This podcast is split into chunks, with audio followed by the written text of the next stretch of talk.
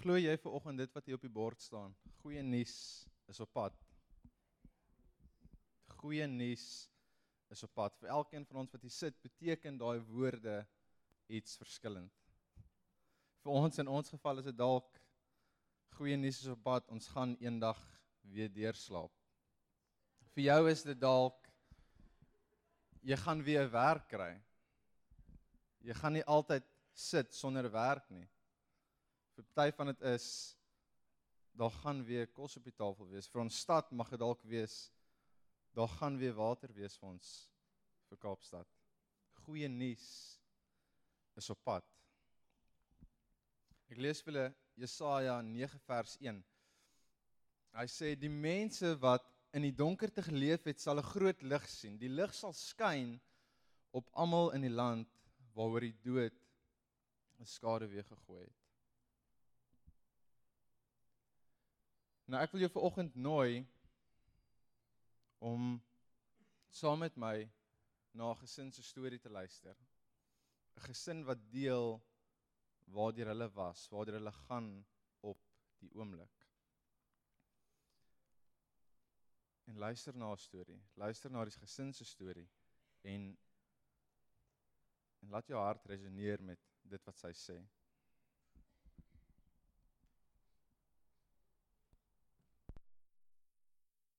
And then suddenly, she was struggling to walk and talk. We were living in Singapore at the time, and it got to the point where we'd gone through a whole team of specialists working with Mia, and they seemed just as confused as we were. So we decided to fly home to Sydney for a second opinion. There is no preparation for being told your child has no future. Hamish and I were sitting next to Mia's bed in the Sydney Children's Hospital in Randwick, and Mia was sedated, sleeping from her latest test, checking for signs of degeneration in her eyesight. We had been warned that if Mia tested positive, the outlook was bleak. The neurologist walked into the room with an entourage of specialists and social workers and confirmed our worst fears.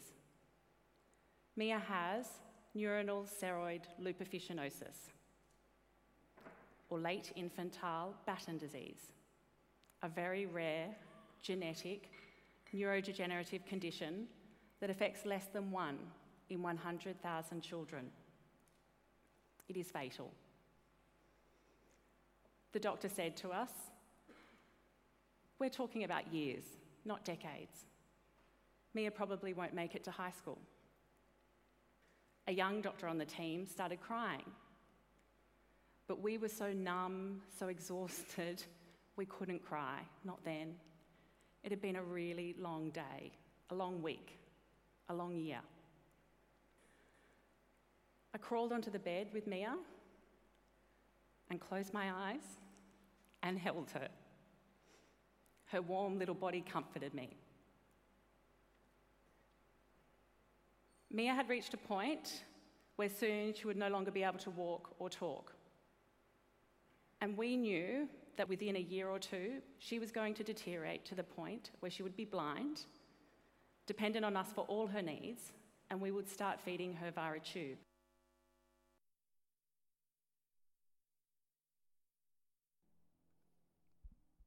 So die meisietjie is sy behoort hierdie jaar 7 jaar oud te wees. Sy sit in 'n rolstoel. Sy sy kan nie haar ouers 'n drukkie gee nie want sy's fisies nie moontlik om dit te doen nie. Dis nie dat sy nie wil nie, dit's haar spiere is heeltemal verlam. Sy kan nie meer haar ouers omvou en vir haar drukkie gee nie, maar maar haar ouers doen dit nog steeds. En, en hierdie is nie 'n storie wat mooi raak soos wat jare aangaan nie, wat die dokters vir haar gesê het is is feit dat sy gaan nie beter raak nie. Sy het voordat sy by 10 jaar oud kom, gaan hulle vir haar moet totsiens sê. En in hierdie meisie se toestand gaan sy na 'n spesiale skool toe. Sy speel saam met ander kinders. Sy woon partytjies by en en haar ouers wil hê sy moet soveel moontlik ervaar in die tyd wat sy het. En ek luister na hierdie vrou se storie en die eerste keer wat ek daarna luister, dink ek by myself, wat se hoop is daar vir hierdie familie? Wat se goeie nuus moet hierdie kinders hierdie kinders en hierdie gesin na uitsien om te weet die kind gaan net tot maksimum 10 jaar oud leef. En hulle is in 'n 'n aardige situasie. En en die vrou sê die volgende, sy sy sy sien hoop al lyk dit of daar geen hoop in haar situasies is nie. Sy kies om nie in 'n donker gat te gaan sit nie. Sy kyk na mense. Dade van mense, van vriende, van vreemdelinge, 'n glimlag, vriendelikheid wat teenoor haar betoon word. En dit gee vir haar hoop. 'n Vriend, 'n vreemdeling, mense in die winkel gee vir haar hoop. Nou, elkeen van ons wat hier sit, ken die verhaal van van Jesus se geboorte. En dis 'n mooi storie. Met Josef en Maria is gelukkige verloofdes. Wiekus, you just got married.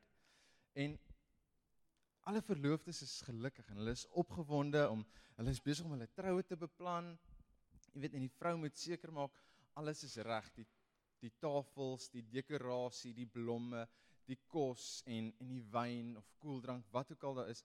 En en arme ou Josef Hy moet net ja sê met is reg my vroutkie, doen dit my vroutkie, is reg solank jy gelukkig is. Die man moet mos net, julle kan maar lag, julle kan mans, julle mag maar saamstem. Julle vrouens gaan julle net so in die heup 'n stampie gee. En in die volgende oomblik in hierdie gelukkige stadium van hulle lewe hoor Maria maar jy gaan swanger word en jy gaan 'n babietjie in jou hê. Jy gaan vir Jesus, die seun van God, binne in jou dra. En hierdie was nie deel van Josef en Maria se plan gewees nie. Dit was nie deel van hulle plan gewees voordat hulle getrou is om 'n kind te hê nie, nog die Jesus. Hulle was nie van plan om die seun van God te dra nie. Ek meen, wie's van plan om dit te doen?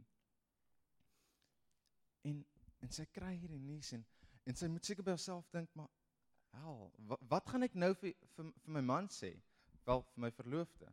Wat gaan ek vir hom sê want hy het nog nie nuus gehoor nie. Ek moet dit nou aan hom oordra en hier is die gedeelte van as as ons 'n sepie storie gaan kyk dan kom dit mos stay tuned for the scenes of the next episode.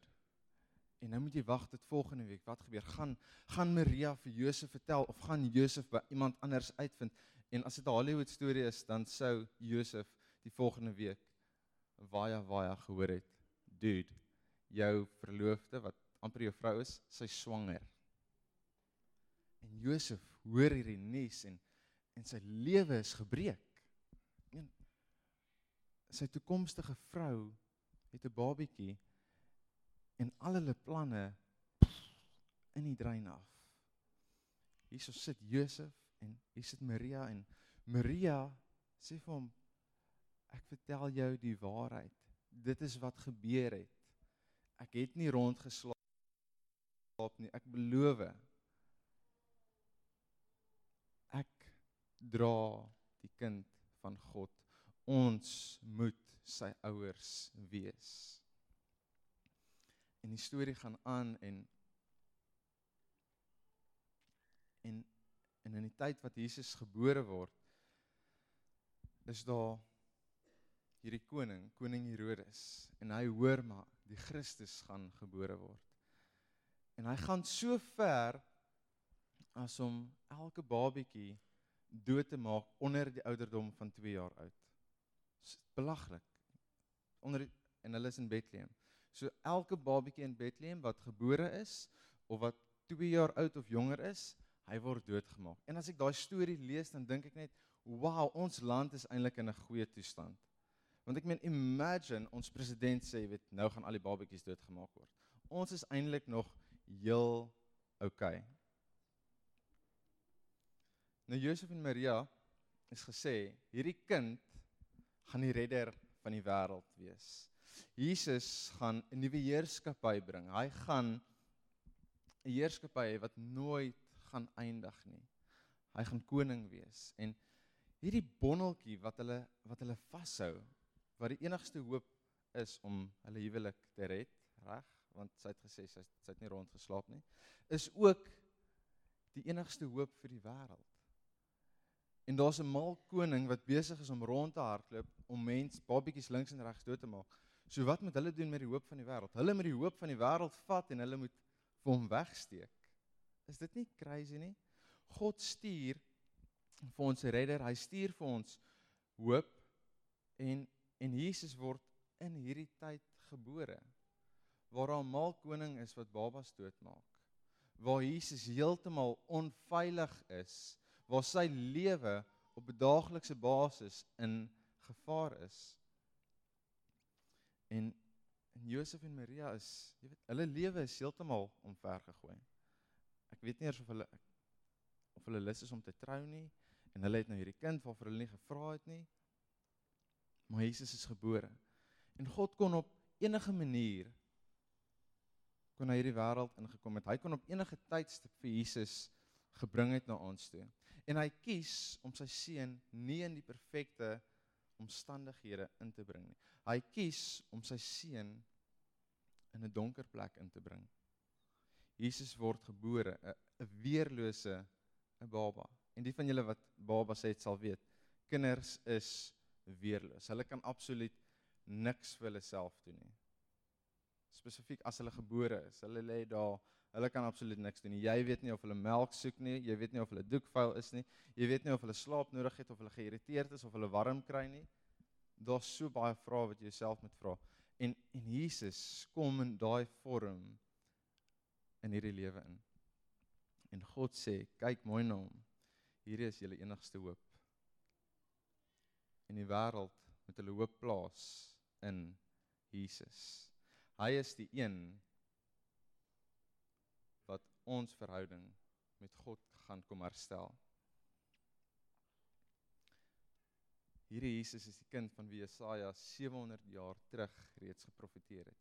Die een wat gaan kom en hy gaan 'n lig bring vir mense wat in 'n donker tyd leef. En en onthou die ver verandering het nie het nie net oornag gebeur nie. Jesus het nie gekom en daar gaan die lig aan nie. Hulle situasie het nie dadelik verander nie. 'n Belofte wat aan Josef en Maria gegee is, het hulle 30 jaar later eers begin sien vorm. Waar Jesus sy eerste wonderteken doen by 'n troue, 'n feestelike geleentheid. En Jesus, sy ma, is nogals funny. Jesus se ma travel oral saam met hulle. Sy ma en sy vriende hulle sit by hierdie troue. Hulle is genooi om by hierdie troue te wees en en daar's 'n tekort aan wyn. En en daar moet nooit 'n tekort wees aan wyn by troues nie. Want wat gaan gebeur is mense gaan praat daaroor na die tyd. Onthou julle daar by Rebekka se troue was daar daar was 'n tekort aan wyn geweest. Daar was te min geweest dit was boring geweest. Jy wil nie hê daar moet gesê word van jou troue is boring nie. Dalk as die kos opgeraak het, kan jy glo hulle kos het opgeraak by die troue. Daar was nie genoeg geweest vir almal nie. En en ek weet nie hoekom nie, maar op hierdie geleentheid Maria sit seker langs in Jesus en sy stamp hom so, sy gee hom so 'n stampie in die sy en sê My seun, dis dis nou jou tyd. Dis nou jou tyd om op te tree. Dis nou jou tyd om te begin doen wat jy doen. Ek weet nie hoekom by 'n troue nie, maar sy sê vir Jesus, "Kom aan. Wys vir my ietsie."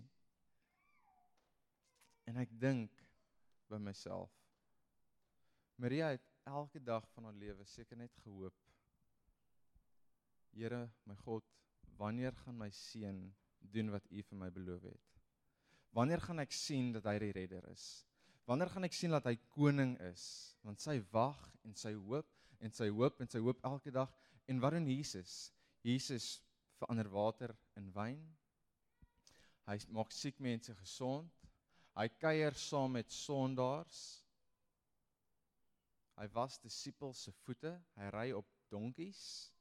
Dis nie hoe 'n koning moet wees nie. Dit is nie hoe 'n koning lyk nie. Ek is seker daarvan sy wou net iets sien. En toe sy sien hoe daai water in wyn verander, toe moes sy so opgewonde geraak het binne haarself. Ek sy moes seker na Josef toe gehardloop en hom gesê het prys dit het begin. Ons seun het sy eerste wonderteken gedoen. Sy het so glimps gesien van wat wag, van wat nog gaan kom. Dis mooi, né? Romeine 8 vers 24 sê Paulus die volgende: Nou dat ons verlos is, sien ons uit na ons toekomstige heerlikheid, want as jy iets reeds het, hoef jy nie meer daarna uit te sien nie, maar as jy dit nog nie het nie, sien jy gretig en volhardend daarna uit. Want as jy iets reeds het, hoef jy nie meer daarna uit te sien nie, maar as jy nog nie het nie, sien jy gretig en volhardend daarna uit. Is so eenvoudig. Dit as jy nie iets het nie, dan sien jy uit om dit te kry. As jy dit het, dan het jy dit. Woohoo. Jesaja het geprofeteer en hy het uitgesien na 'n koning wat gaan kom, na Jesus, wat vrede gaan bring tussen ons en sy Vader.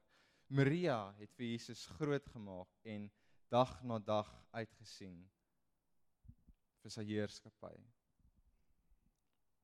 Maar Maria moes geduldig wees. Sy moes gewag het. Elke dag. Sy het nie net 'n jaar gewag nie, sy het 30 jaar gewag. 30 jaar aanhou hoop en uitgesien na Jesus wat op die troon gaan sit.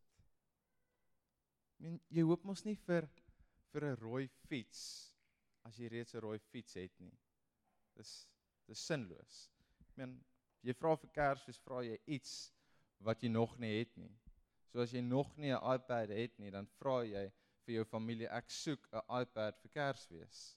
Of jy soek 'n nuwe laptop van jou ou laptop is besig om te breek. Of jy soek nuwe tekkies want jou ou tekkies is is vrot. Jy soek iets wat jy nog nie het nie. Maria het gehoop op iets wat sy nog nie gehad het nie. Ons land hoop vir die bokke om eendag weer beter te speel. Ons land hoop vir reën. Ons hoop dat ons nooit 'n uh, 'n uh, dat ons dat ons geliefdes gesond sal raak en dat ons nie 'n slagoffer van geweld sal wees nie. Want dit is so, dit gebeur so baie rondom ons en ons hoop heeltyd as ons ons oë toemaak, dan hoop ons asseblief Here, moenie moenie dat dit met ons gebeur nie. En keer op keer op keer word ons teleurgestel. Hoop is 'n woord wat ek en jy elke dag links en regs rondgooi. Ons gebruik dit. En en dis 'n mooi woord. Hoop. Dis 'n dis 'n positiewe woord. Maar maar die vraag is in wie plaas jy jou hoop? Of as ek jou moet vra in in wat plaas jy jou hoop? Jy weet, want met alles binne jou hoop jy vir daai bevordering by die werk. Van daai bevordering beteken dat jou lewe gaan beter raak. Daai bevordering gaan beteken jy gaan meer geld kry. Daai bevordering beteken jou familie gaan gelukkiger wees want jy gaan meer kan gee vir hulle. En jy plaas jou hoop in jou beroep. Jy plaas jou hoop in jou baas. Asseblief moenie sê jou hoop is in ons land se regering nie. Want daaroor sê ek absoluut niks nie.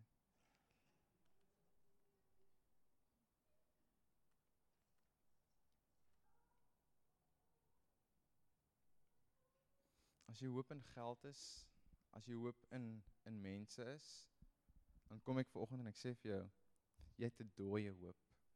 Daai hoop gaan niks van kan kom nie. Ek plaas jouself in Maria se skoene vir 'n oomblik. Haar huwelik is op die rotse. Haar planne is heeltemal omver gegooi en en teen teen een gaan sy haar man verloor want haar man dink sy het rondgeslaap. En na dit moes hy 30 jaar lank wag voordat Jesus sy eerste wonderteken doen. Met die hoop dat hy nog die troon op die troon sal sit. dat hy hulle gaan vrymaak van die Romeine. En en wat kry sy? Wat kry Maria? Haar seun wat water in wyn verander en en en en hy gaan dood. What a letdown. Jy weet, hierso glo sy en sy hoop vir 30 jaar lank. Hy gaan ons vrymaak. Hy's op pad troon toe. Dinge dinge is besig om te happen. En hier gaan Jesus op 'n gruisame manier dood op die kruis. Wat 'n teleurstelling.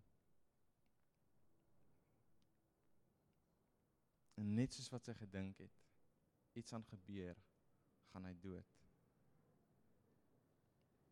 Maar Jesus het dit nie daar gelos nie. Hy hy het opgestaan uit die dood uit.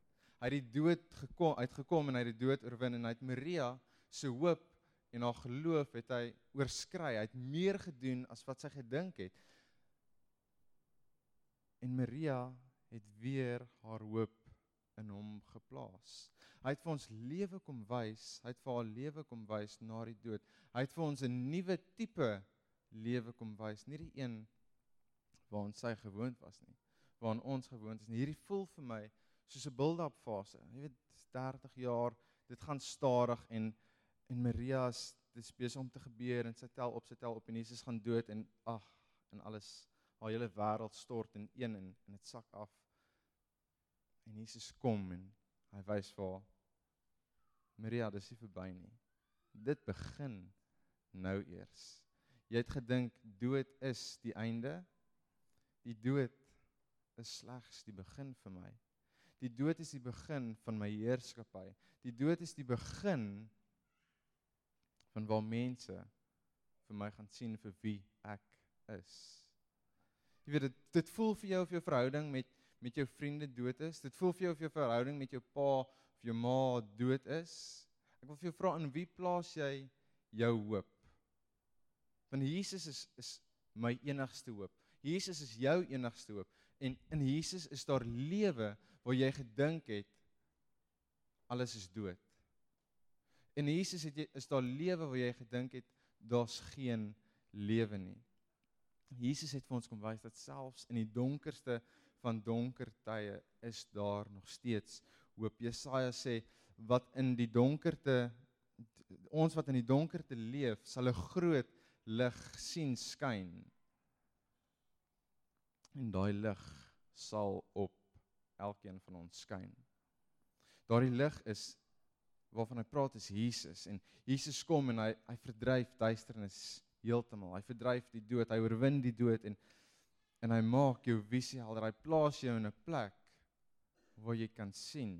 Hy vat daai mis voor jou weg en jy kan duidelik sien die situasie rondom jou en jy kan vir Jesus in jou situasie raak sien.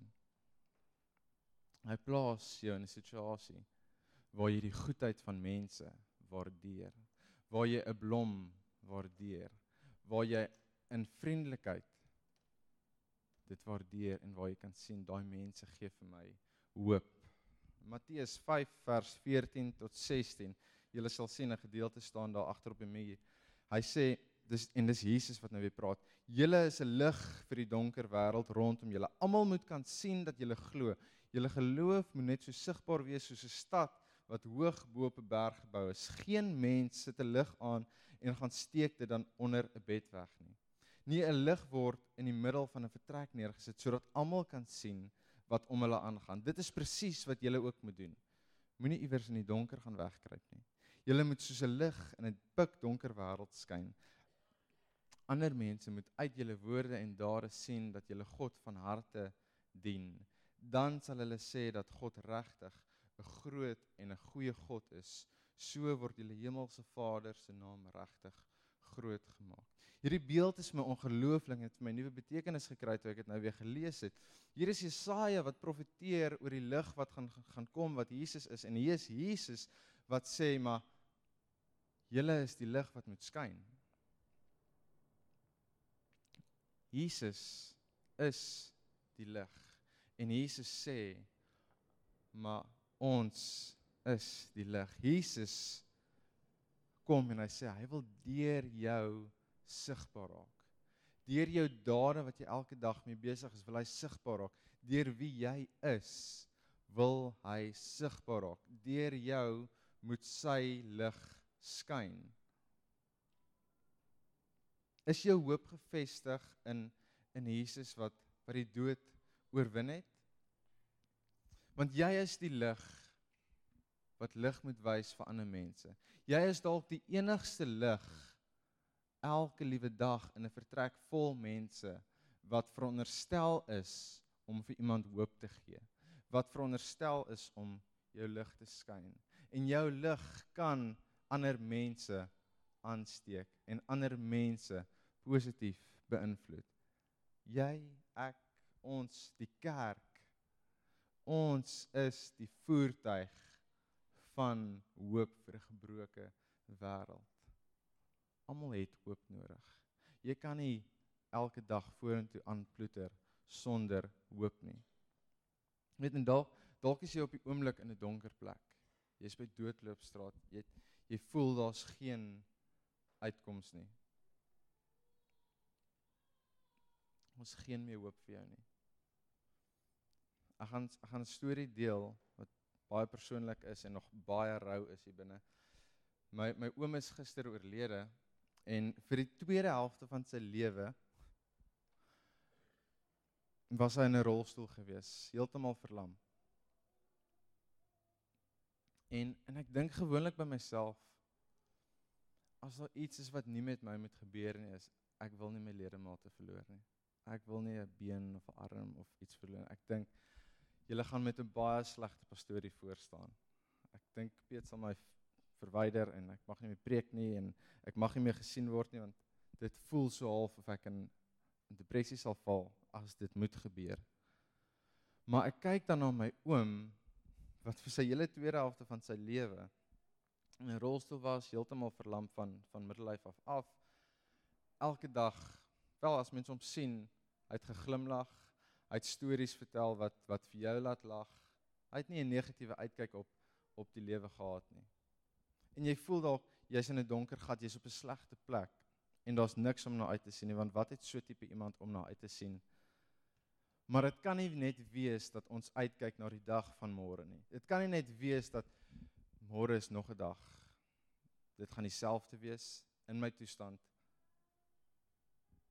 Jy moet kan glo dat daar meer is as hierdie lewe. Daar's meer as dit wat ons nou beleef, die pyn wat ons nou op die oomblik beleef, daar's meer as dit.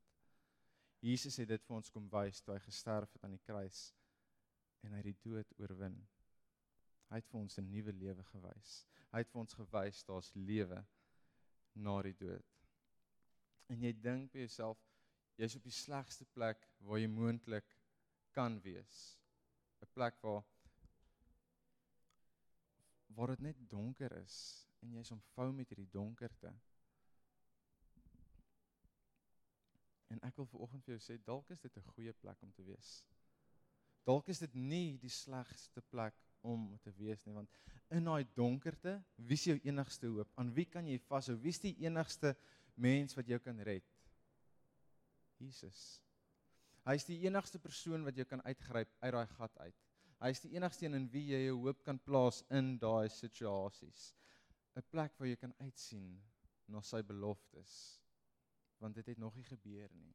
Jy wag nog daarvoor. In daai donkerte jy's besig om te wag vir sy beloftes om te realiseer in jou lewe en ek wil jou viroggend motiveer. Kyk uit vir daai lig in die donker. Wees bewus van wat rondom jou aangaan en terselfdertyd en hiermee sluit ek af.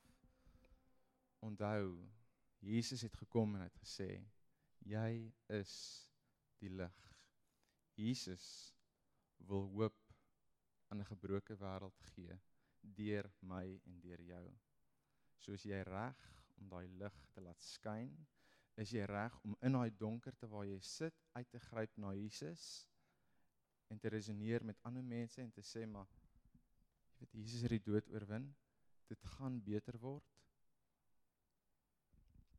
En dit is nooit lekker om te hoor my vriend, dit gaan beter word nie.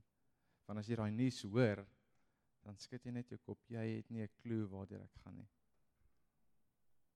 En julle sit hier so en julle sê vir my, jy het nie 'n klou waar ek is op op, op die oomblik nie. Jy het nie 'n klou wie Jesus is nie.